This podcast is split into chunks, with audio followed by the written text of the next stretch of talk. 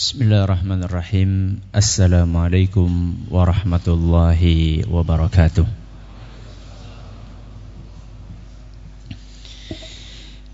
الحمد لله رب العالمين وبه نستعين على أمور الدنيا والدين وصلى الله على نبينا محمد وعلى آله وصحبه أجمعين أما بعد Kita panjatkan puja dan puji syukur kehadirat Allah Tabaraka wa Ta'ala.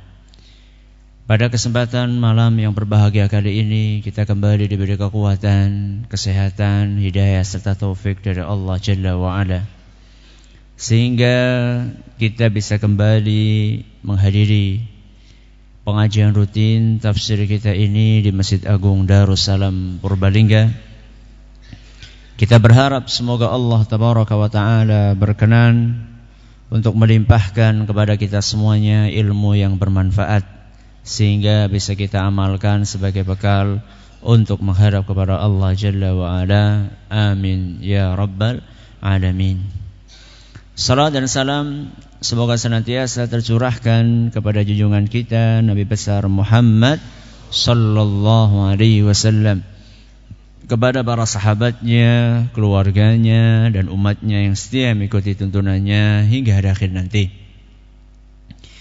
Para hadirin dan hadirat sekalian yang kami hormati, seperti biasanya sebelum kita memasuki materi hari ini, kita akan sedikit mengulang apa yang sudah kita pelajari pada pertemuan yang telah lalu di mana saat itu kita membahas tafsir surat Al-Alaq ayat yang ke empat. Bunyinya apa? Alladzi 'allama bil qalam. Dialah Allah yang mengajarkan dengan pena. Pertanyaan yang pertama. Ayat ini didahului dengan ayat sebelumnya yaitu ayat yang ketiga. Yang bunyinya Iqra wa rabbukal akram. Bacalah dan Robmu adalah maha pemurah. Pertanyaannya Adakah hubungan Pembahasan antara ayat yang ketiga dengan ayat yang keempat ini. Monggo.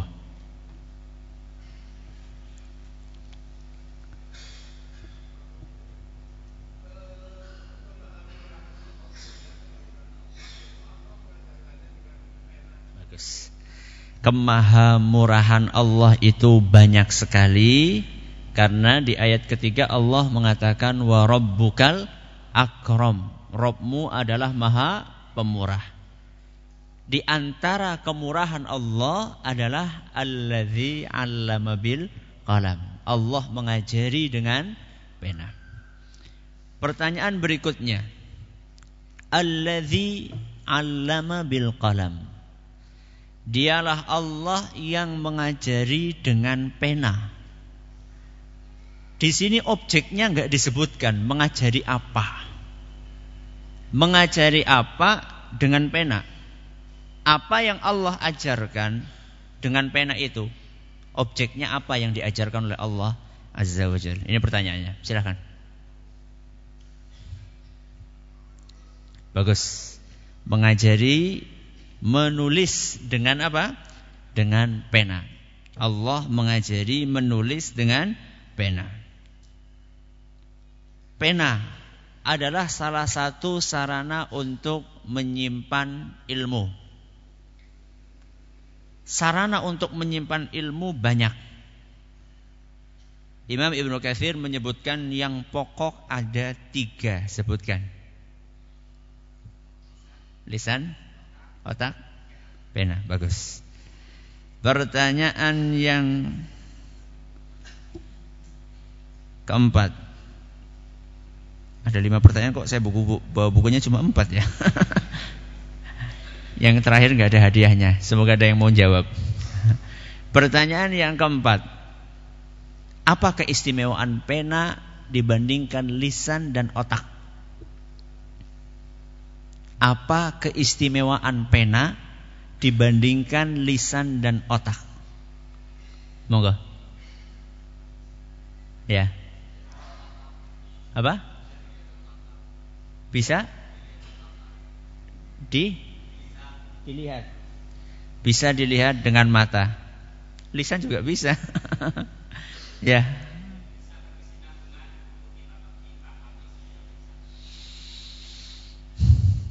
Bagus tapi belum. Monggo. Belakang. Bisa menyimpan dalam waktu yang lama. Ada yang lain? Monggo.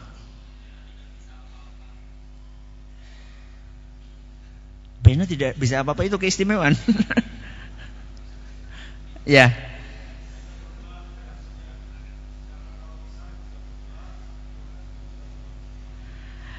Uh, bagus bagus. Cuman bukan itu yang saya sebutkan kemarin. Pena benda mati terus kenapa kalau benda mati?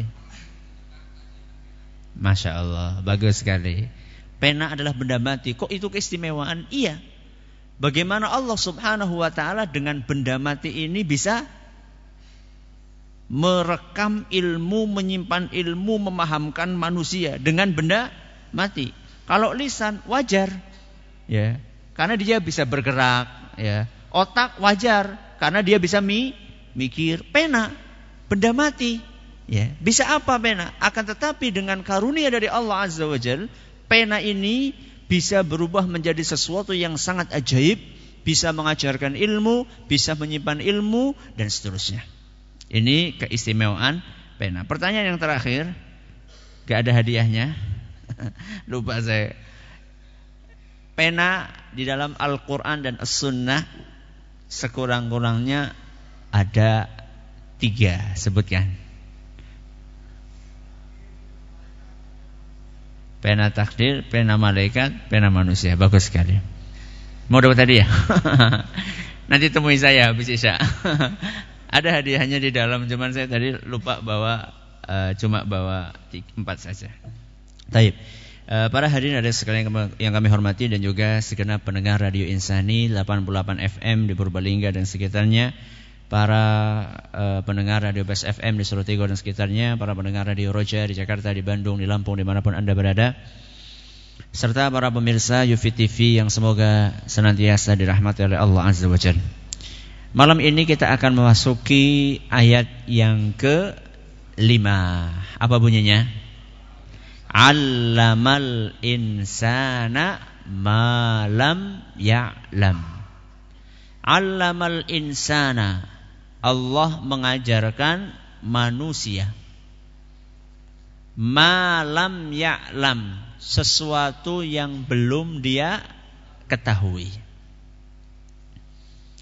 Di dalam ayat ini Allah sedang menjelaskan salah satu karunia terbesar Allah kepada para hambanya. Di mana Allah Azza wa Jalla dengan kemurahannya Allah mau mengajarkan kepada para hambanya apa-apa yang belum mereka ketahui. Dan betapa banyak yang tidak kita ketahui. Allah subhanahu wa ta'ala yang maha mengetahui membagikan sedikit ilmunya kepada kita. Jadi apa yang kita ketahui itu tidak ada apa-apanya dibandingkan ilmunya Allah Azza wa Jalla. Itu pun dengan ilmu yang sedikit ini kita sudah bisa melakukan begitu banyak hal.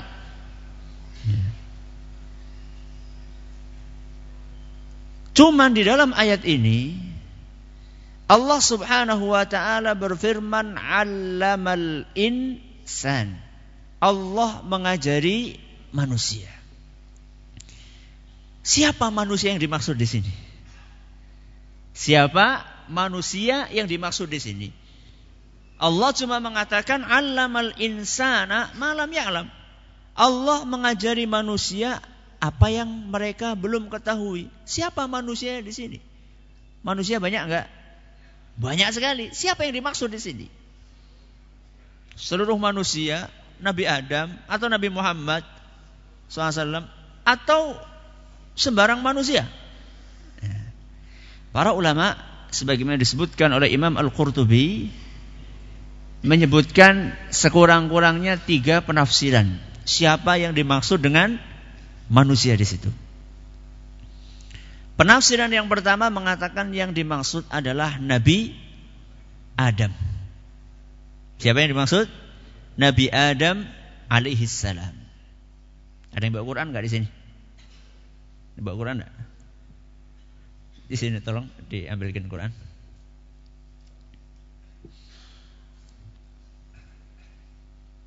Allah Subhanahu wa taala di dalam Al-Qur'an surat Al-Baqarah. Dalam Al-Qur'an surat Al-Baqarah bercerita tentang kejadian diciptakannya Nabi Adam alaihi salam dan perintah dari Allah Azza wa Jalla kepada para malaikat dan iblis. Ketika Allah Subhanahu wa taala ingin menciptakan manusia, sebagaimana telah maklum, duluan siapa? Adam apa jin apa iblis? Jin dan iblis duluan. Nah, jadi mereka sudah ada duluan, baru kemudian Nabi Adam. Berarti Nabi Adam ini makhluk baru. Ya, makhluk baru setelah adanya malaikat dan iblis. Allah Subhanahu wa taala berfirman menceritakan kepada malaikat.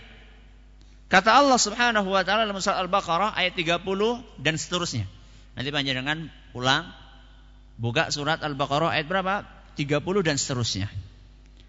Wa idh qala rabbuka lil malaikati inni ja'ilun fil ardi khalifah. Ingatlah ketika Allah Subhanahu wa taala berkata kepada malaikat, "Inni ja'ilun fil ardi khalifah." Aku akan menciptakan khalifah di muka bumi.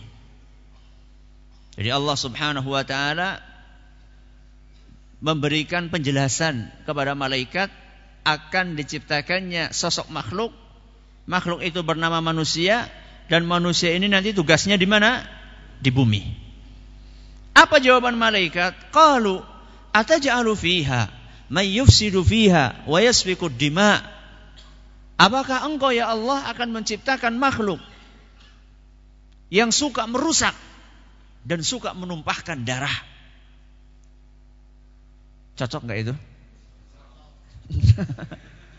Cocok dengan kondisi manusia saat ini. Jadi apa yang di diprediksikan dalam tanda kutip oleh malaikat betul-betul kejadian. Kemudian kata malaikat wa nahnu nusabbihu bihamdika wa nuqaddisulak.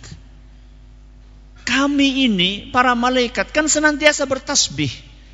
Senantiasa mensucikanmu, senantiasa beribadah kepadamu. Mungkin bahasa kita ini kami ini kurang kurang apa gitu loh. Ya, kami senantiasa bertasbih, bahkan diceritakan dalam e, beberapa asar atau beberapa hadis bahwa ada di antara malaikat ini yang tugasnya mulai dari diciptakan sampai hari kiamat tugasnya sujud tok.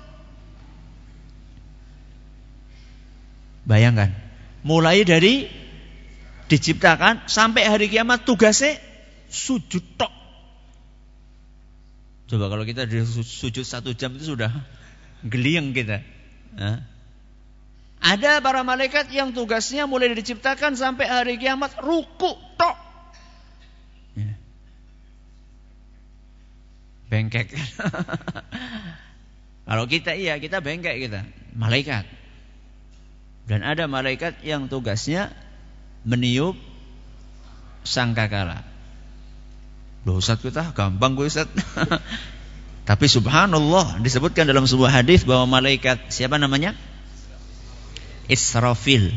Malaikat Israfil karena saking disiplinnya mendapatkan tugas itu sampai malaikat Israfil ini semenjak mendapatkan tugas itu dia telah meletakkan terompet di depan mulutnya. Ya sambil ngematahkan sambil memperhatikan. Ya perintah Allah dia tunggu. Mulai dari diciptakan dan mendapatkan mandat tugas dari Allah Azza wa Jalla untuk meniup trompet pada saatnya sudah meletakkan trompet itu di depan mulutnya dan tidak akan dilepas kecuali setelah Allah memerintahkan untuk ditiup. Itulah siap siaganya siapa? Malaikat Israfil. Jadi jangan dipikir, lah niup trompet yang bisa. Itu saking disiplinnya malaikat Israfil sehingga beliau khawatir ya. Kalau sampai lengah jangan-jangan Nah, ketika diperintahkan dia dalam keadaan lengah. Maka dia ber, telah berbuat maksiat kepada Allah Azza wa. Makanya wajar seandainya malaikat itu mengatakan kepada Allah, "Wa nahnu nusabbihu bihamdika wa nuqaddisu lak." Kami ini setia beribadah kepadamu wahai Rabbi. Apa kata Allah Subhanahu wa taala? Kata Allah, "Qala inni a'lamu ma la ta'lamun." Wahai para malaikat, Aku ini lebih tahu dibandingkan kalian. Aku ini mengetahui apa-apa yang tidak kalian ketahui. Setelah itu Allah Subhanahu wa taala ingin menunjukkan apa sih keistimewaan Nabi Adam? Apa sih keistimewaan manusia yang akan diciptakannya? Yang dikatakan oleh malaikat suka merusak dan suka menumpahkan darah wa 'allama Adam al-asma'a kullaha. Ini ayat 31. Kemudian Allah Subhanahu wa taala mengajari Adam seluruh nama. Kata Imam Ibnu Abbas, nama yang dimaksud adalah seluruh nama benda yang ada di muka bumi tanpa terkecuali semuanya. Berapa itu? Nama benda di muka bumi ya kayak banget ya. Seluruh namanya diajarkan kepada siapa? kepada Nabi Adam alaihissalam. Nama benda dan tugasnya masing-masing. Bukan hanya nama benda toh. Nama tu benda dan tugasnya masing-masing. Makanya di sini katakan wa 'allama Adam al asma'a kullaha. Allah ajarkan nama-nama semuanya. Padahal sebelumnya Nabi Adam tidak tahu apa-apa. Makanya kata sebagian ulama yang dimaksud wa 'allamal insana malam ya'lam maksudnya siapa? Nabi Adam. Sudah? Setelah diajarkan seperti itu semua, kemudian Allah mengatakan summa 'aradhum 'alal malaikah. Kemudian Allah memerintahkan kepada Nabi Adam supaya menceritakan, membeberkan, menyebutkan seluruh nama-nama itu di hadapan para malaikat. Yang malaikat sebelumnya tidak tahu. Faqala ambi'uni bi asma'i haula'i in kuntum sadiqin. Kata Allah Subhanahu wa taala, wahai para malaikat, coba sekarang sebutkan apa yang disebutkan oleh Adam tadi. Yo, malaikat enggak punya ilmunya, maka mereka pun mengatakan qalu subhanaka la ilma lana illa ma 'allamtana innaka antal alimul hakim. Kata para malaikat, Maha suci Engkau ya Rabbi. La ilma lana illa ma 'allamtana. Kami enggak punya ilmu wahai Rabbi kecuali apa yang Engkau ajarkan kepada kami. Innaka antal alimul hakim. Engkaulah yang maha mengetahui dan maha bijaksana. Inilah luar luar biasanya malaikat. Malaikat ini tidak malu untuk mengatakan tidak tahu. Ah, sebagian manusia di zaman ini mengatakan tidak tahu malu. Ya. Apalagi kalau misalnya sudah dipandang ya, ustadz, ya, kiai, guru, ya. Guru takoni muridnya masa orang ngerti ya izin ya. Mendingan ngarang. Nah, itu bahaya itu. Uh, ada di Pak Guru, ya. Termasuk ustadz juga sama. Ya. Oh, ustadz ditanya, kiai ditanya, bilang nggak tahu. Yuk nanti uh, apa apanya pamornya akan akan turun. Nanti image-nya akan akan jatuh. Enggak. Kita ini sama malaikat ini lebih mulia mana? Malaikat saja enggak malu untuk mengatakan enggak tahu. Dan para ulama kita dulu juga seperti itu. Para ulama kita diceritakan ada Imam Malik, ada Imam Malik Ibnu Anas rahimahullah. Imamnya e, penduduk Madinah pada zaman itu di sekitar abad ketiga Hijriah sekitar abad itu. Seorang ulama besar terkenal seantero penjuru dunia keilmuannya. Pernah ada seorang diutus sama masyarakatnya dari negara lain. Tolong ya, kamu mau ketemu Imam Malik, kami titip pertanyaan. Kalau nggak salah sekitar 70 pertanyaan. Jadi, ya itulah kayak tanya jawab gitu ya, kertas-kertas gitu. Ada 70 pertanyaan, tolong ya tanyakan sama Imam Malik, kami ini pengen tahu jawabannya apa. Masalah ini, masalah ini. Akhirnya betul delegasinya ini pergi kepada Imam Malik. Itu sudah, wah mesti ya paling kabian dijawab lah kira-kira ya. Mau Imam Malik terkenal ke mana-mana. Akhirnya betul, sudah janjian ketemu sama Malik, senengnya Pol ketemu sama Malik, kemudian ditanya. Pertanyaan pertama, Imam, gini gini gini. Kata beliau, la adri. Apa la adri? Tidak tahu. Tidak tahu. Kemudian pertanyaan kedua, tidak tahu. Pertanyaan ketiga, tidak tahu. Pertanyaan keempat, tidak tahu jawabannya. Sampai 70 pertanyaan yang dijawab paling cuma tiga atau lima Kata yang kata si delegasi ini, ente Imam Malik ditanya 70 pertanyaan yang jauh cuma sekian. Dari tadi jawabnya nggak tahu, nggak tahu, nggak tahu gitu. Gimana ente itu gimana? Ente kan imam terkenal, ulama besar. Nama kamu sudah harum di mana-mana. Apa kata Imam Malik? Ya, saya nggak tahu dan kasih tahu sama masyarakatmu bahwa Imam Malik tidak tahu bilang gitu. Jadi nggak usah disembunyikan ya. Nggak usah disembunyikan kepada kaummu, kepada masyarakatmu bahwa Imam Malik ini tidak tahu. Inilah para ulama kita. Mereka itu ketika akan menjawab pertanyaan, kalau nggak salah siapa ulama siapa saya lupa, mereka itu ketika akan ditanya sesuatu hukum, ketika akan menjawab, sebelum mereka menjawab, mereka itu membayangkan surga di sebelah kanan, neraka di sebelah kiri. Nek jawabnya bener bakalan melebu surga, nek jawabnya salah ngawur bakalan melebu neraka. Jadi ketika mereka akan jawab pertanyaan itu mereka bayangannya antara surga dan neraka. Itu padahal siapa? Ulama. Nah sekarang, kadang-kadang kita sinau agama ora, ya, atau baru belajar di pesantren berapa tahun sudah, masya Allah. Ya. Makanya perlu kita perhatikan. Malaikat tidak malu untuk mengatakan tidak tahu. Sudah. Kemudian setelah itu kan Allah Subhanahu wa taala memerintahkan Adam untuk menyebutkan nama-nama itu. Nah, kemudian baru Allah mengatakan memerintahkan kepada ada eh, kepada para malaikat untuk sujud kepada Nabi Adam.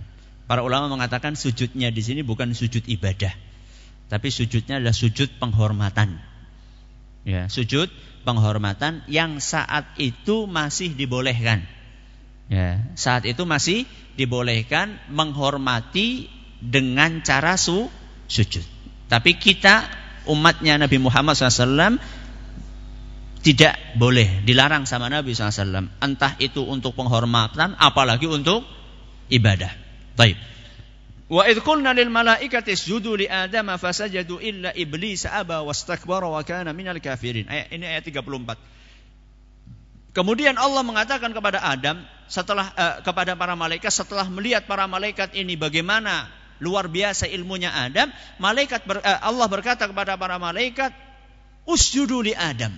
Sujudlah kalian kepada Adam, hormati Adam. Fasajadu. Semuanya sujud. Illa kecuali siapa? Iblis. Aba wastakbarah. Dia enggak mau dan merasa som sombong. Wa kana minal kafirin dan iblis ini termasuk makhluk-makhluk yang kafir. Nah, kemudian iblis diusir. Iblis diusir oleh Allah Subhanahu wa taala karena tidak mau mengikuti perintahnya. Akan tetapi iblis ini menaruh dendam kepada Adam. Digoda, digoda, digoda, akhirnya Adam pun akhirnya terusir dari surga. Akan tetapi apa yang membedakan antara Adam dengan iblis? Ya. Walaupun sama-sama dikeluarkan dari surga, yang membedakan nanti Adam alaihissalam akan kembali lagi ke surga. Dengan ilmu dan amal soleh yang dilakukan oleh Adam. Jadi ketika diusir dari surga, Adam taubat kepada Allah Subhanahu wa taala. Ya. Maka Allah pun menerima taubatnya. Fataba alaih. Allah menerima taubatnya Adam alaihissalam dan nanti akan masuk ke dalam surga.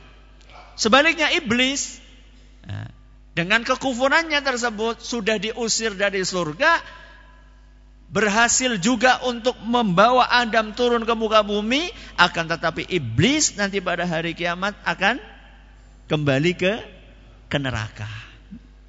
Jadi ini adalah kelebihannya Nabi Adam alaihissalam. Ini pendapat yang pertama mengatakan bahwa insan di situ maksudnya siapa? Nabi Adam alaihissalam. Pendapat yang kedua mengatakan bahwa insan alamal insan yang dimaksud di situlah Nabi kita Muhammad Sallallahu Alaihi Wasallam. Ini pendapat yang kedua. Dan pendapat ini cukup kuat karena memang ayat ini diturunkan kepada siapa? Nabi kita Muhammad SAW. Ya, masih ingat ceritanya ketika beliau Sallallahu Alaihi Wasallam ya dipeluk sama siapa? Sama malaikat Jibril dibekap sampai tiga kali.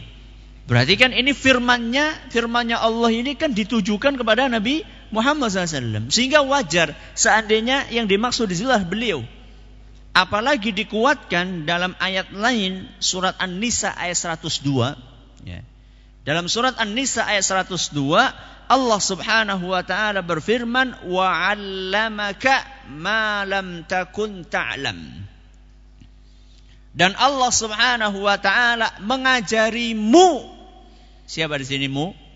Nabi kita Muhammad SAW malam taklam sesuatu yang belum engkau ketahui. Jadi mirip dengan ayat kelima dari surat Al-Alaq tadi. Makanya sebagai ulama mengatakan yang dimaksud di sini adalah Nabi kita Muhammad SAW. Apa yang diajarkan Al-Quran.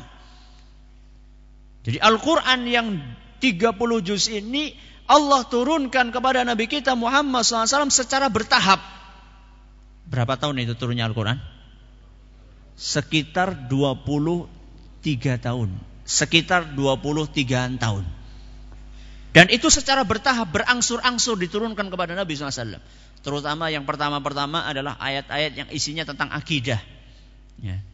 Baru kemudian yang fikih-fikih itu belakangan. Sebagai yang disebutkan dalam Sahih Bukhari.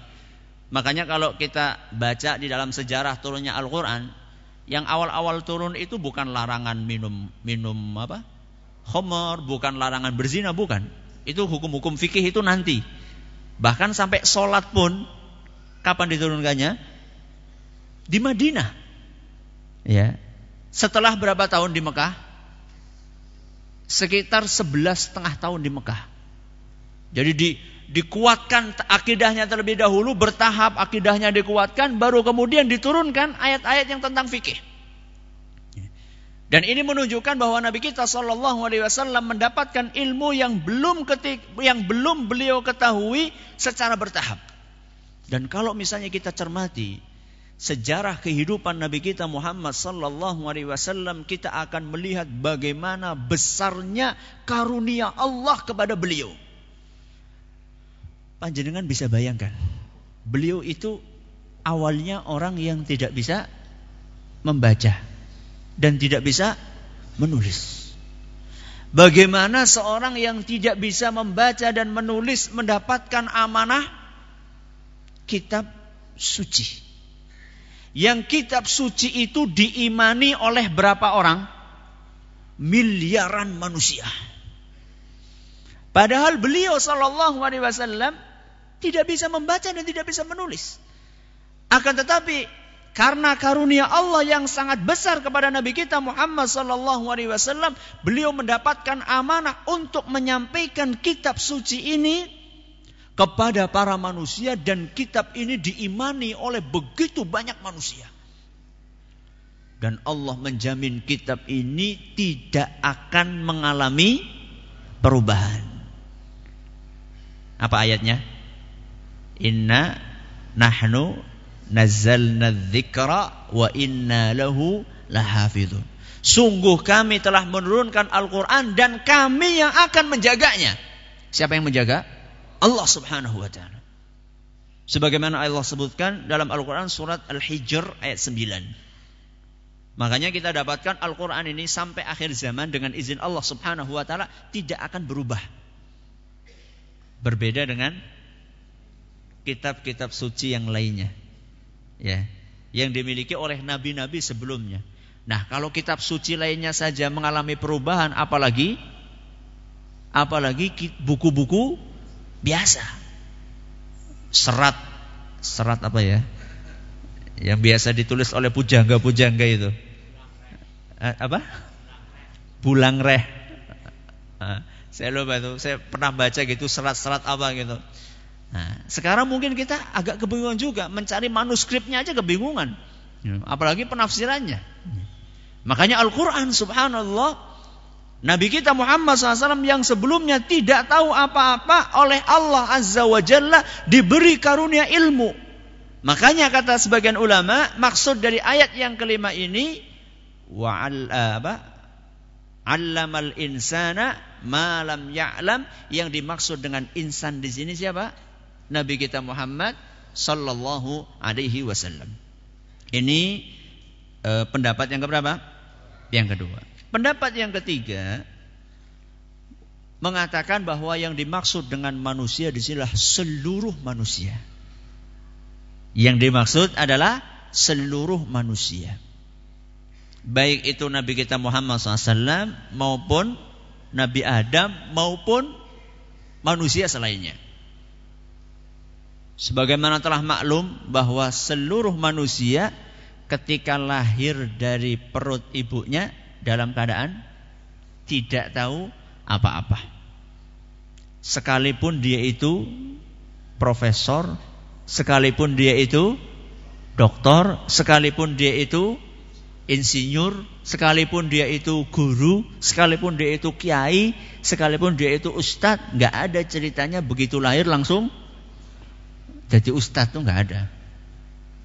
Ya ya paling dapat gus lah. dapat gus. Nah, itu pun belum bisa ngapa-ngapain. Ya. Seluruh manusia nggak ada bedanya. Ketika lahir dalam keadaan tidak tahu.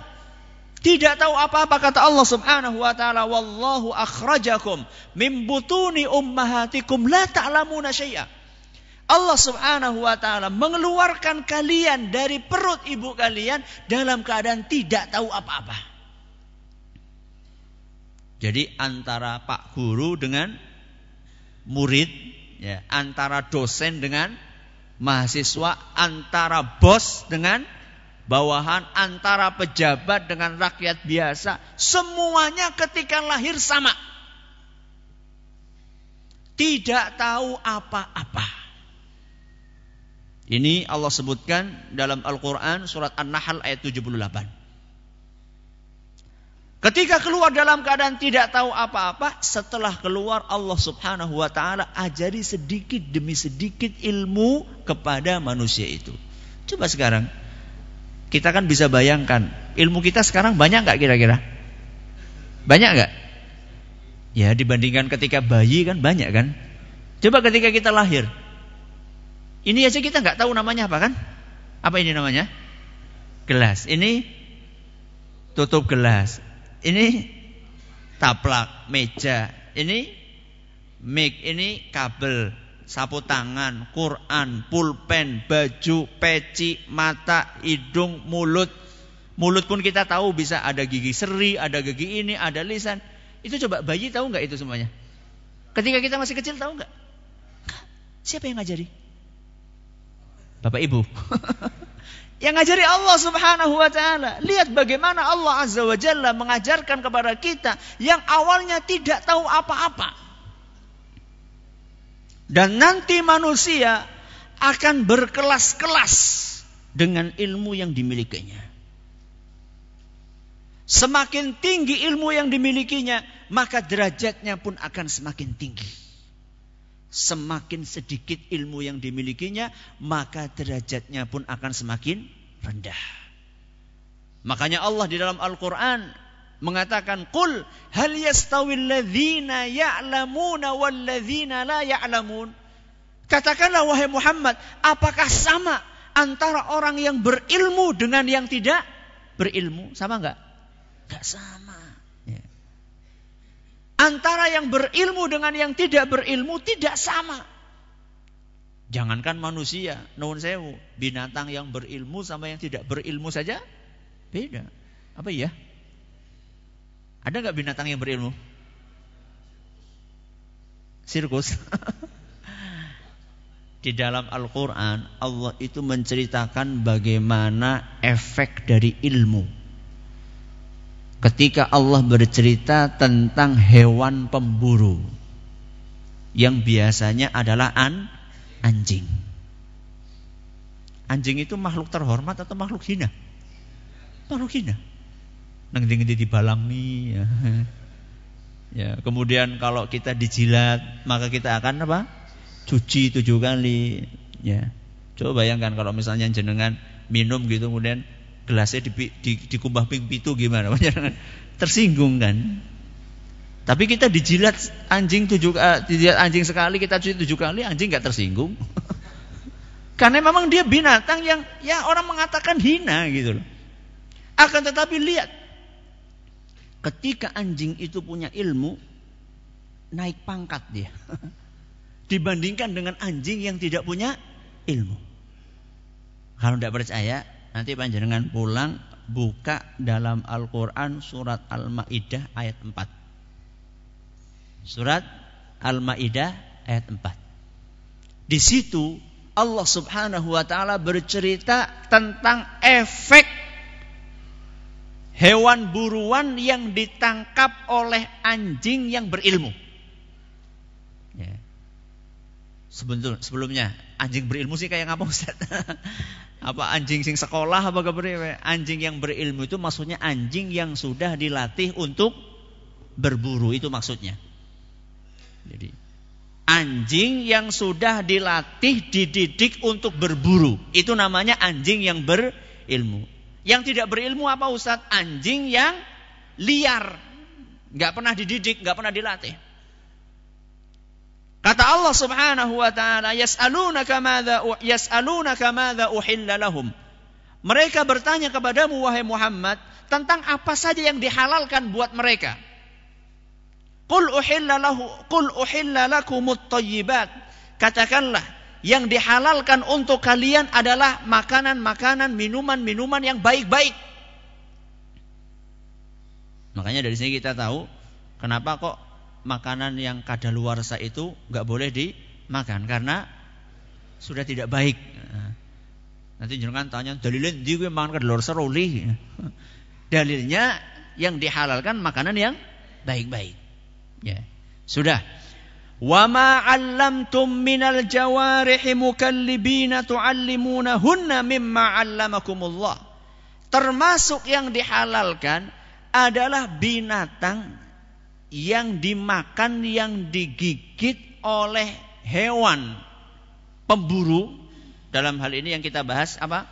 Anjing yang sudah kalian ajari. Anjing yang sudah kalian ajari ketika dia menangkap hewan buruan, ya. Entah apa hewan buruannya, biasanya apa sih kalau hewan yang diburu itu? Kelinci, ya, Rusa, rusa sama anjing besar mana? Ya, besar anjingnya kalau anjingnya besar Ustaz. Ya, pokoknya binatang-binatang yang diburu oleh anjing, kalau misalnya anjing itu menangkap hewan tersebut, cek. Kemudian hewan itu dibawa kepada siapa? Kepada tuannya dan sampai ke depan tuannya hewan buruan itu sudah mati. Boleh dimakan enggak? Boleh enggak? Allah mengatakan boleh. Allah mengatakan boleh. Tapi ada syaratnya. Apa syaratnya? Berilmu.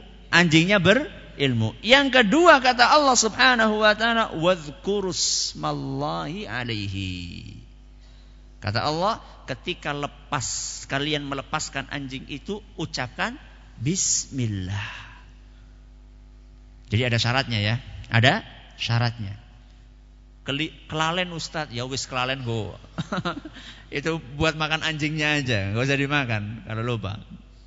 Jadi syaratnya di, dilepaskan sambil mengucapkan Bismillah. Maka Allah mengatakan fakulu mimma amsakna alaikum. Kata Allah Subhanahu wa taala, makanlah binatang buruan yang ditangkap.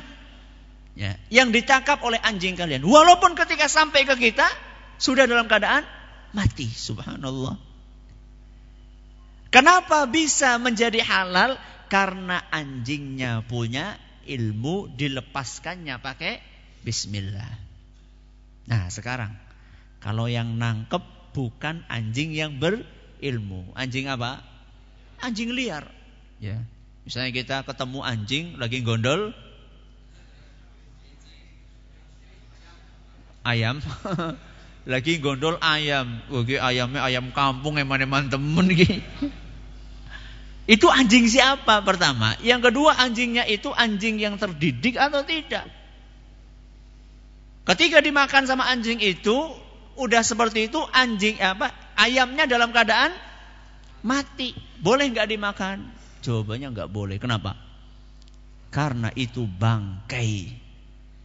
Karena itu bangkai. Dan Allah berfirman hurrimat alaikumul maitah diharamkan atas kalian bangkai surat al-maidah ayat 3 mungkin ada yang bertanya Tadi yang di awal masa bukan bangkai? Tadi yang dimakan sama anjing yang berilmu tadi bangkai atau bukan? Bangkai. Sama-sama mati kan? Terus apa yang membedakan Ustaz? Yang membedakan ini berilmu dan karena berilmu maka si anjing yang berilmu ini menangkap hewan buruannya untuk sendiri atau untuk tuannya? Untuk tuannya.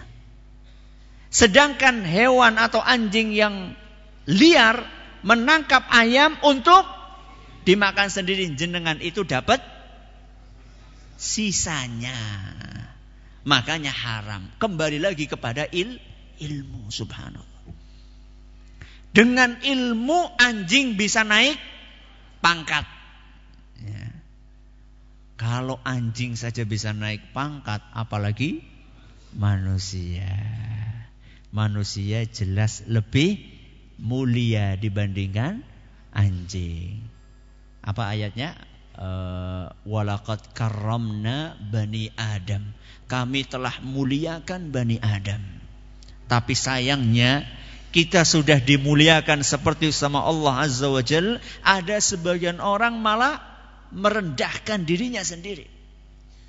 Sehingga manusia yang tidak beriman kepada Allah Azza wa Jal bisa-bisa lebih rendah dibandingkan hewan. Nauzubillah min dzalik. Kal an'ami balhum adol kata Allah Azza wa Jalla. Ada sebagian manusia kata Allah seperti hewan ternak bahkan lebih sesat dibandingkan hewan ternak. Ketika dia tidak beriman, kenapa? Karena dia sudah dibekali akal oleh Allah Subhanahu wa taala. Dia sudah dibekali hati oleh Allah Subhanahu wa taala. Sudah dikirim para rasul kepada mereka, sudah diturunkan Al-Qur'an kepada mereka, tapi mereka nggak mau beriman, nggak mau baca Quran. Ya kalau misalnya anjing anjing kan memang bukan hewan, bukan makhluk yang dibebani oleh Allah Subhanahu wa taala beriman, ya. Eh, dia tidak beriman, tidak baca Quran, tidak apa-apa. Itu pun kata Allah Subhanahu Wa Taala, binatang-binatang itu semuanya bertasbih kepada Allah Subhanahu Wa Taala. Kata Allah Azza wa Jalla, segala sesuatu illa yusabbihu bihamdih. Seluruh makhluk di muka bumi ini mereka bertasbih kepada Allah Azza wa Jalla. Masa kalah karo karo manu, emprit, ya. Ustaz, burung gereja apa bertasbih Ustaz? Itu kan jenengan yang menamai burung gereja ya. Burung gereja kadang-kadang nama masjid, Bu. Berarti bukan burung gereja namanya burung burung masjid kalau gitu. Ya semuanya bertasbih kepada Allah Azza wa Jal. Ya, semuanya bertasbih kepada Allah. Semut bertasbih kepada Allah Azza wa Jal. Walakin la tafqahuna tasbihahum. Kata Allah, cuman kalian tidak faham gimana cara makhluk itu bertasbih. Wah, kalau kita bisa paham, kita nggak bisa tidur nanti. Ya. Ada semut lewat, aduh lagi subhanallah. Walakin la tafqahuna tasbihahum. Kalian tidak faham bagaimana makhluk-makhluk itu bertasbih kepada Allah Azza wa Jalla. Berapa pendapat berarti? Tiga pendapat. Yang pertama yang dimaksud siapa? Nabi Adam. Yang kedua Nabi Muhammad SAW. Yang ketiga seluruh manusia. Mana yang paling kuat pendapatnya ini? Semuanya kuat. Semuanya masuk. Ya, semuanya insya Allah masuk ke dalam ayat ini karena redaksi ayatnya umum. Allah kan mengatakan Allamal insana malam ya'lam. Allah mengajari manusia apa yang tidak dia ketahui. Di sini kan Allah mengatakan manusia. Nabi Adam manusia bukan? Manusia. Nabi Muhammad manusia bukan? Kita manusia bukan? Sudah berarti kita semuanya masuk ke dalam ayat ini bahwa ilmu yang kita dapatkan semuanya itu yang mengajari siapa? Allah Azza wa Jal. Maka jangan sombong. Ya, itu pelajarannya. Jangan sombong mentang-mentang wis sarjana. Ya, kadang-kadang kan ada orang sarjana wis petantang petenteng, pengangguran wis sombong. ya, maka jangan sombong lah, ya. Jangan sombong sebanyak apa pun ilmu yang kita miliki tetap tidak ada apa-apanya dibandingkan ilmunya Allah Azza wa Jal. Sampai di sini pengajian kita pada kesempatan kali ini. Semoga bermanfaat. Terima kasih atas perhatiannya. Mohon maaf atas segala kekurangannya.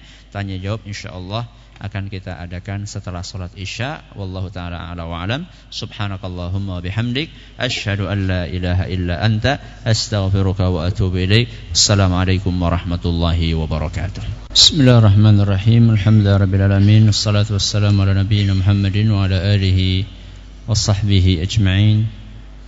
Amma ba'd. Kita bacakan beberapa pertanyaan yang sudah masuk ke meja kami. Pertanyaan pertama, Ustadz, seorang suami berbohong kepada istri demi memberi uang kepada ibu. Itu hukumnya bagaimana? Boleh atau tidak minta penjelasannya. seandainya bisa menggunakan kata kiasan ya, kata yang tidak eh, apa? Kata yang bermakna ganda. Tidak bohong terang-terangan itu lebih baik. Ya. Jadi tidak berbohong terang-terangan tapi memakai kata kiasan yang eh, bisa dimahami maknanya ganda. Contohnya misalnya eh, tadi eh, ngasih duit ke ibu atau tidak. Ya. Kalau mengatakan tidak itu kan jelas-jelas apa? Bohong gitu loh. Mungkin dengan mengatakan ya siapa bilang kamu memang tahu dari mana saya ngasih. Ya. Kamu tahu dari mana saya ngasih. Itu kan eh, kalimat yang apa? kalimat yang samar gitu loh. Seperti itu lebih baik daripada terang-terangan bohong. Apalagi memang seandainya kalau ibu membutuhkan maka harus Anda beri. Ya, kalau ibu membutuhkan harus Anda beri.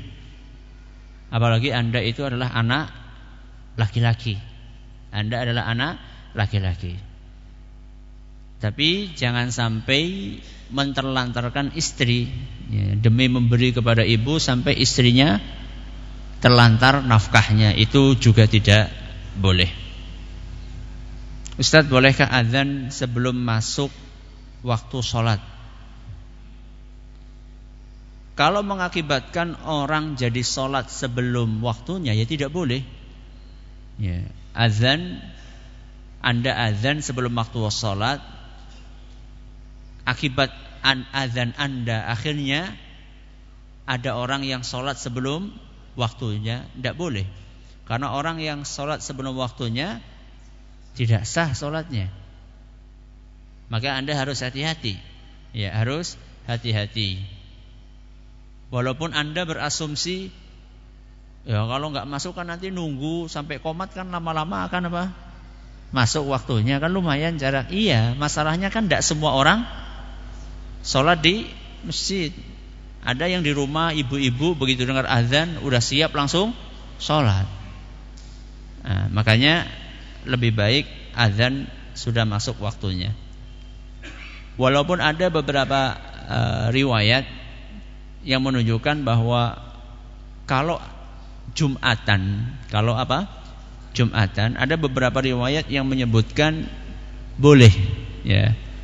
Azan sebelum masuk waktu Jumat karena memang antara azan Jumat sampai sholat Jumat itu kan jaraknya panjang.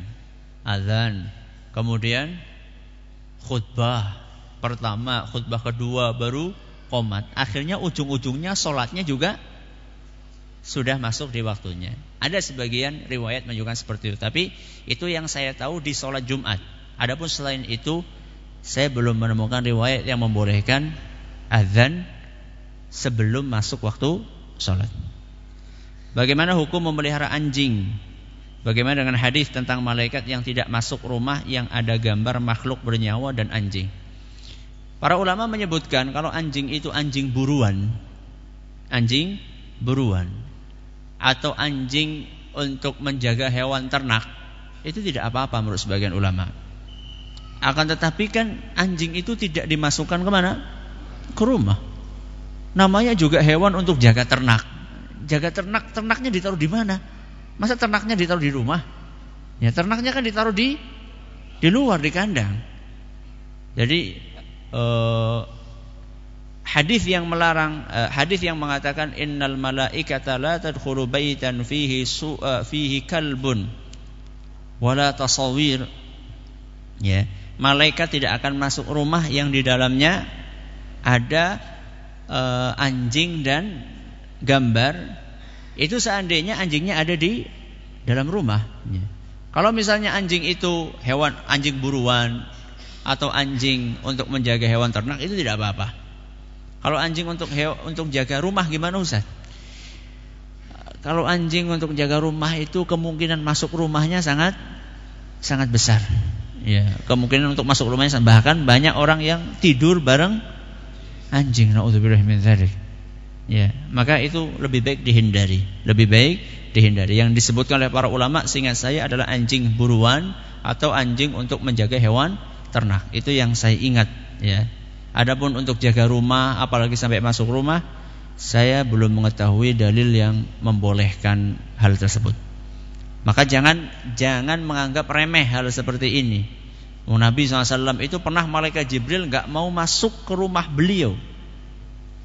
Ya. Pernah malaikat Jibril nggak mau masuk ke rumah Nabi SAW. Nunggu di depan pintu. Akhirnya Nabi SAW bertanya, ada apa? Nabi kan nggak tahu ada apa kok tumben-tumbennya nggak mau masuk rumah. Dikasih tahu sama malaikat Jibril itu di bawah ranjang ada anjing kecil, anak anjing. Ya anjing kecil. Ya dan anu bludus gitu, nggak tahu kan dia kan. Nabi nggak punya anjing, nggak melihat anjing, cuman mungkin anjing lewat ada pintu buka gitu kan, umpetan di bawah, nggak mau masuk malaikat Jibril. Padahal anjing anjing kecil, apalagi anjing herder. ya, maka ini jangan dianggap remeh, jangan dianggap remeh. Belum lagi nanti air liurnya itu kan najis ya. Pokoknya belum lagi kotorannya naudzubillah min. Bagaimana akidah sunnah menyikapi takdir Allah Subhanahu wa taala? Apakah kemaksiatan yang dilakukan seseorang juga termasuk takdir buruk yang Allah takdirkan? Dan apakah di balik takdir buruk yang Allah berikan kepada seorang ada kebaikan di kemudian hari untuk dia? Betul. Akidah Ahlussunnah wal Jamaah meyakini bahwa seluruh perbuatan yang dilakukan oleh hamba, yang baik maupun yang buruk sudah ditakdirkan oleh Allah Azza wa Makanya Nabi kita sallallahu alaihi wasallam ketika menyebutkan rukun iman yang keenam apa? Untuk mina bil qadari khairihi wa syarrihi. Beriman dengan takdir yang baik maupun yang buruk. Maksiat buruk nggak? Buruk. Ya. Itu termasuk yang ditakdirkan oleh Allah Subhanahu wa taala. Jadi seorang berzina ditakdirkan oleh Allah untuk berzina. Timbul pertanyaan. Allah menakdirkan kita untuk berzina Ustaz. Iya. Terus kenapa? Zina kan dibenci sama Allah Ustaz. Betul sekali. Masa Allah menakdirkan sesuatu yang dia benci? Apa salahnya? Ya. Allah Subhanahu wa taala menakdirkan itu padahal Allah Subhanahu wa taala membenci perbuatan tersebut. Sekarang saya tanya. Kalau nggak bisa menerima logikanya dengan apa yang saya sampaikan, coba saya tanya. Setan dibenci nggak sama Allah? Saya tanya, setan dibenci nggak sama Allah? Dibenci. Siapa yang menciptakan setan? Ada nggak yang berani mengatakan setan bukan diciptakan Allah? Apakah Allah ketika menciptakan setan, Allah suka sama setan? Enggak. Loh, terus kenapa diciptakan setan Ustaz? Nah, tidak ada perbuatan Allah, takdir Allah yang muspro. Apa artinya muspro? Sia-sia. Tidak ada. Berarti Allah itu menciptakan setan ada hikmahnya. Ada. Apa itu? Buat ujian para para manusia. Nah, orang setan kan soleh kabeh. ya. Kalau misalnya tidak ada setan, tidak akan kelihatan siapa orang yang beriman, yang berpegang dengan aturan Allah, yang bisa melawan hawa nafsunya, dengan orang yang tidak. Ya. Makanya zina itu sudah ditakdirkan, mencuri sudah ditakdir, ditakdirkan dan seterusnya. Baik. Timbul pertanyaan kalau kayak gitu Ustaz. Boleh nggak kita Ustaz beralasan dengan takdir? Boleh nggak beralasan dengan takdir? Misalnya maling gitu kan, nyolong. Wis takdirnya nyolong ke ya, boleh nggak? Nggak boleh. Kenapa? Karena misalnya ada pencuri ya, pencuri. Kenapa jadi maling? Wis takdirnya jadi maling. Ya. Gak boleh beralasan seperti itu. Kenapa? Karena kita kan tidak tahu apa takdir kita kecuali setelah terjadian. Nah, sekarang Anda menjadi pencuri. Anda sudah tahu Anda adalah pencuri. Tapi Anda tahu nggak besok Anda jadi apa? Tahu nggak? Enggak. Mungkin saja di sana Anda ditakdirkan jadi kiai besok. ya, besok tobat, kemudian belajar agama jadi kiai. Mungkin enggak? Mungkin. Kenapa Anda tidak positif thinking? Nah, kenapa Anda tidak berpikir positif saya ini akan menjadi orang baik? Kenapa Anda selalu negatif thinking, berpikir saya ini akan jadi pencuri terus sampai tujuh turunan? nah, kenapa Anda berpikir seperti itu? Maka tidak boleh beralasan dengan takdir. Ada kisah menarik pernah saya bawakan di sini. Kisahnya maling yang berhadapan dengan Umar bin Khattab radhiyallahu anhu. Sebagaimana telah maklum bahwa hukum Islam terhadap pencuri itu kan potong tangan. Tentunya bukan sembarang mencuri ya. Kok nyolong sandal potong tangan. Jadi ada ada nisabnya. ada nisabnya. Jadi mencuri yang dipotong tangan itu ada nisabnya. Kemudian juga ngelihat kondisi apakah paceklik atau tidak itu aturannya banyak itu. Jadi tidak ujuk-ujuk anak wong nyolong dok siji terus di uh, potong kecuali dok emas ya beda itu. Jadi ada nisabnya. Nah, ada pencuri ketangkap pada zamannya Umar bin Khattab. Kemudian diputuskan akan dieksekusi dipotong tangannya. Sebelum dipotong tangannya pencuri ini mengatakan kepada Umar, "Wahai Umar, kok tega-teganya kamu motong tangan saya? Lawong saya ini kan mencuri karena takdir Allah. Saya ini nyuri kan karena takdir Allah, wahai Umar. Masa kamu potong tangan saya? Saya kan cuma menjalankan takdir. Pinter orang maling ini. Pinter. Apa kata Umar? Oh gitu, kamu mencuri karena takdir Allah. Saya juga motong tangan kamu karena takdir Allah. Saya menjalankan takdir Allah, memotong tangan kamu gitu loh. Berarti kan sama-sama menjalani takdir selesai kata beliau. Gak boleh alasan dengan takdir. Terus e, di balik itu apa ada hikmahnya manusia berbuat maksiat? Allah menakdirkan ada maksiat. Ada. Hikmahnya banyak sekali. Di antara hikmahnya adalah ada ibadah namanya tau taubat. Ada ibadah namanya istighfar. Ya. Kadang-kadang iblis itu gigit jari. Kenapa dia gigit jari? Dia menjerumuskan seorang kepada maksiat. Senang dia. Tapi setelah berhasil menjerumuskan seorang kepada maksiat, dia menyesal Kenapa kok bisa menyesal? Karena ternyata orang tersebut setelah berbuat maksiat, dia menyesal kepada Allah Subhanahu wa taala, mengakui dosanya, bertaubat, beribadah kepada Allah, malah setelah berbuat maksiat imannya lebih lebih meningkat. Hikmah atau bukan ini? Hikmah. Ya. Ada sebagian orang setelah berbuat maksiat dia semakin getol untuk membaca Al-Quran, untuk berzikir, untuk beristighfar karena dia tahu saya banyak dosa, saya harus banyak ibadah untuk menghapuskan dosa ini. Yang sebelum dia berbuat maksiat, ibadahnya biasa-biasa saja. Dan saya mengatakan ini bukan sedang memotivasi untuk maksiat. Eh, siapa yang menjamin setelah maksiat akan naik imannya? Setelah maksiat malah tambah eh, jungkel nanti. Jadi ini cuma berbicara tentang hik hikmah. Ya, tentang hikmah.